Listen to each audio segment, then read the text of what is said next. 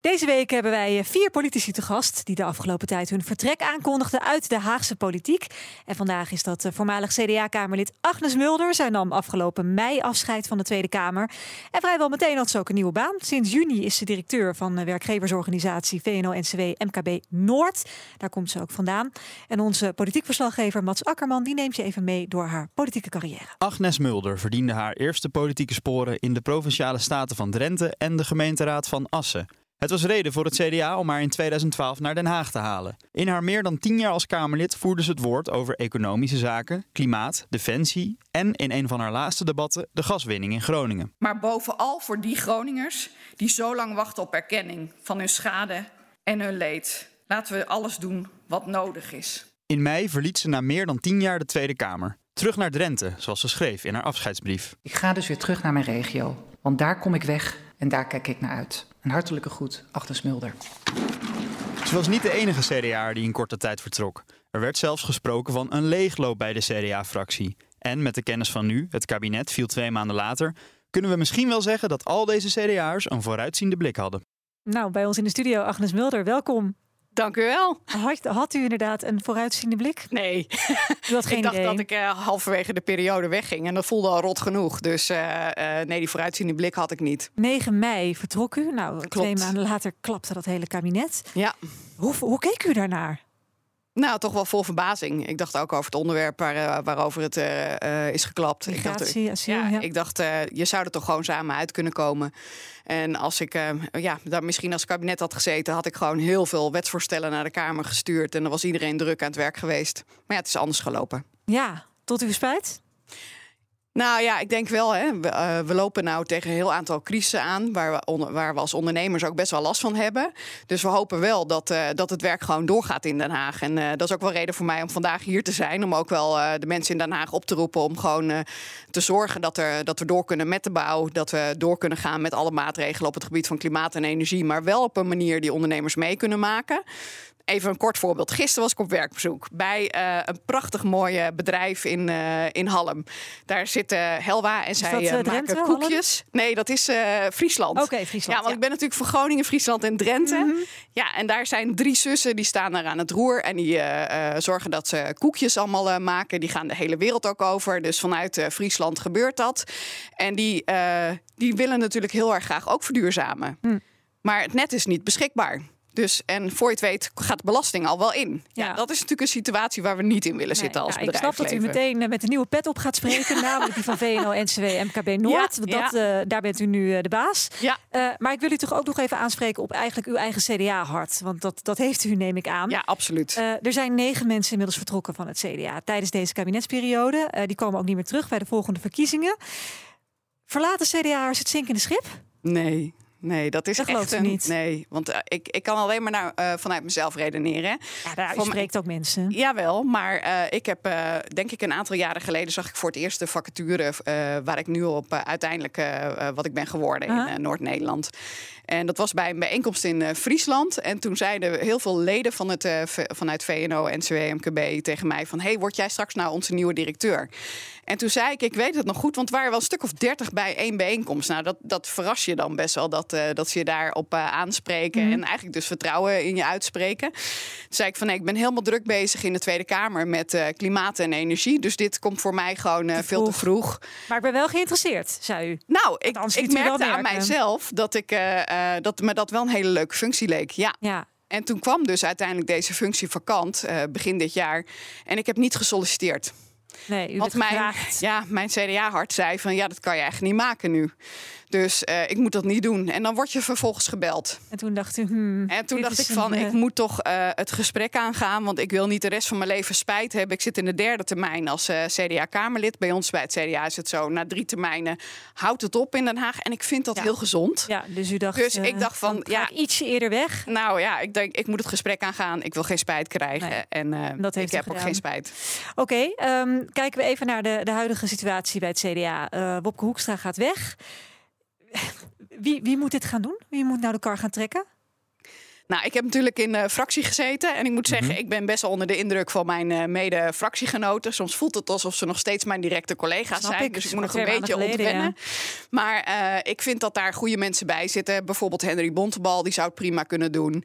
Nou, misschien Dirk ook wel. Uh, misschien wel anderen. Ja, dus dat zijn mensen die, die zijn vol passie, vol vuur. En ik ik hoop dat een van, de, van beiden dat gaat doen. Ja, het ziet er niet zo goed uit in de peilingen. Heeft u enig gevoel bij van nou, we gaan ervoor en we kunnen wel weer in de dubbele cijfers qua, zetels komen? Dat kan altijd, zeker met zo'n enorm, ja, met zo'n enorm gewijzigd speelveld. Ja. Gaat het er ook om van, uh, weet je de onderwerpen ook uh, te benoemen die belangrijk zijn voor mensen in heel Nederland? Ja. En als je dat kan en je hebt een goede inhoud en je krijgt de kans om dat te vertellen, dan, dan denk ik dat wij absoluut een mogelijkheid hebben om, om toch iets meer zetels te krijgen dan dat er nu in de peilingen zijn. Okay, maar staat ook deze periode dan? Waarom niet? Nou, omdat, omdat kiezers vergeten ook niet dat het CDA de afgelopen jaren ook bestuurd heeft en dat er veel dingen fout zijn gegaan. Dus zelfs als je dan, uh, nou, dat ook iemand die dan nu op de lijst uh, staat, die ze dus ook deze periode hebben gezien, naar voren schuift, ja, dan vergeten ze toch niet dat het CDA, CDA ook bestuurd heeft en dat er flink wat dingetjes fout zijn gegaan de afgelopen tijd. Nou, ik denk dat mensen goed kijken naar van uh, uh, welke weg wil je voor de toekomst inslaan.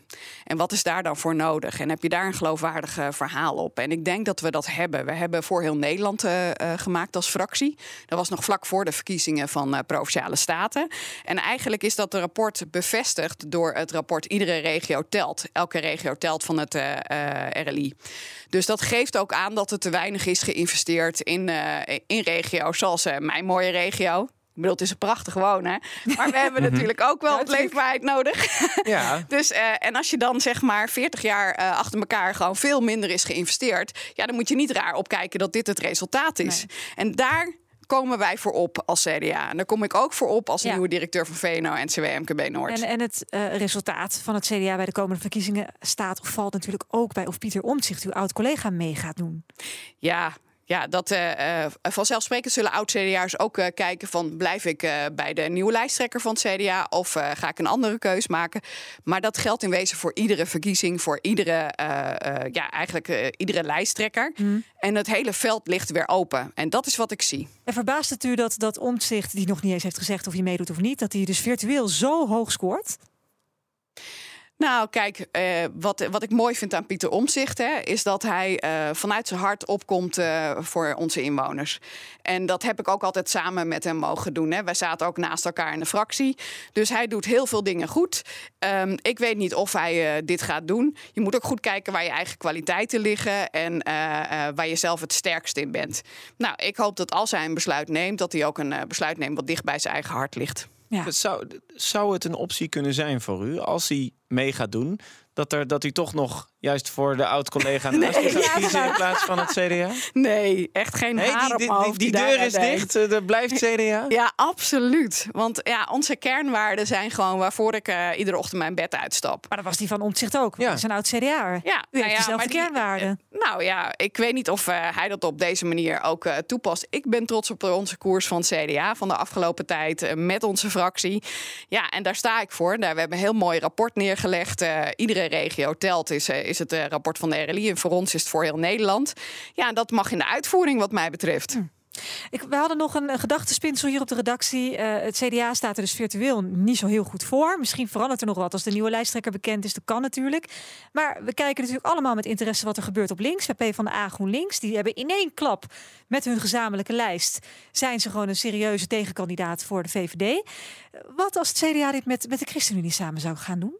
Ja, ik denk dat wij uh, altijd uh, vanuit onze waarden hebben geprobeerd een brede volkspartij te zijn en niet een uh, getuigenispartij. En daar zit een verschil tussen christelijke politiek is dan daar niet de gedeelde waarde die u. Nou, wij, wij delen natuurlijk heel veel waarden. Dat zag je ook in, in de coalitie, dat je elkaar op heel veel punten weet te vinden, maar ook mhm. op een aantal punten niet. En dat mag. Dus ik denk altijd maar uiteindelijk als de kiezer heeft gekozen, dan ga je kijken hoe het zit met een formatie. het lijkt mij heel eerlijk gezegd voor ons verstandig om de oppositie in te gaan, te bouwen aan onze partij en, en smoel te krijgen. Nou, en wie weet in de toekomst. waarom, waarom is er nu even geen plek voor het CDA in de coalitie, denkt u? Nou, ik denk dat het goed is voor ons als CDA om te laten zien aan, aan de kiezer voor de lange termijn waar wij naartoe willen met Nederland. En ik denk dat de kiezers ook erop zitten te wachten om die lange termijn visie ook te horen van een partij. En dan kan niet meer als je compromissen sluit in de coalitie. Dat is toch lastiger, ja. Je moet nu echt weer even het CDA-geluid laten zien. Zou ik wel doen. Maar ja, weet je, dat is niet aan mij natuurlijk. Hè? maar goed, ja, maar het is nu ook makkelijk praten natuurlijk, nu je er iets meer afstand van hebt, toch? Dat is toch ook fijn? Ja, maar ik heb ook zelf wel in de oppositie gezeten natuurlijk, mhm. hè? In, uh, in Drenthe. Dus uh, dat is ook onderdeel geweest. dus ik heb zowel coalitie als oppositie gedaan. En beide is soms heel goed. En soms is het ook goed om, om gewoon even in de oppositie te zitten. Ja, oké. dus dat raadt u uw oude partijgenoten, dat wilt u voorzichtig meegeven. Als we nog heel even terugkijken op uw carrière, ruim tien jaar in de Kamer. Wat is het mooiste geweest wat u daar heeft gedaan? Nou, ik heb voor Noord-Nederland heel veel dingen kunnen doen. Bijvoorbeeld uh, uh, de kazerne openhouden in Assen, heel concreet. Uh, dat is werkgelegenheid bij ons in het militaire gebied. Kazerne, ja. De militaire kazerne. Ik heb geld voor de, het Just Transition Fund, voor de hervorming zeg maar, van onze energiesector in Noord-Nederland. 330 miljoen naar Noord-Nederland kunnen krijgen.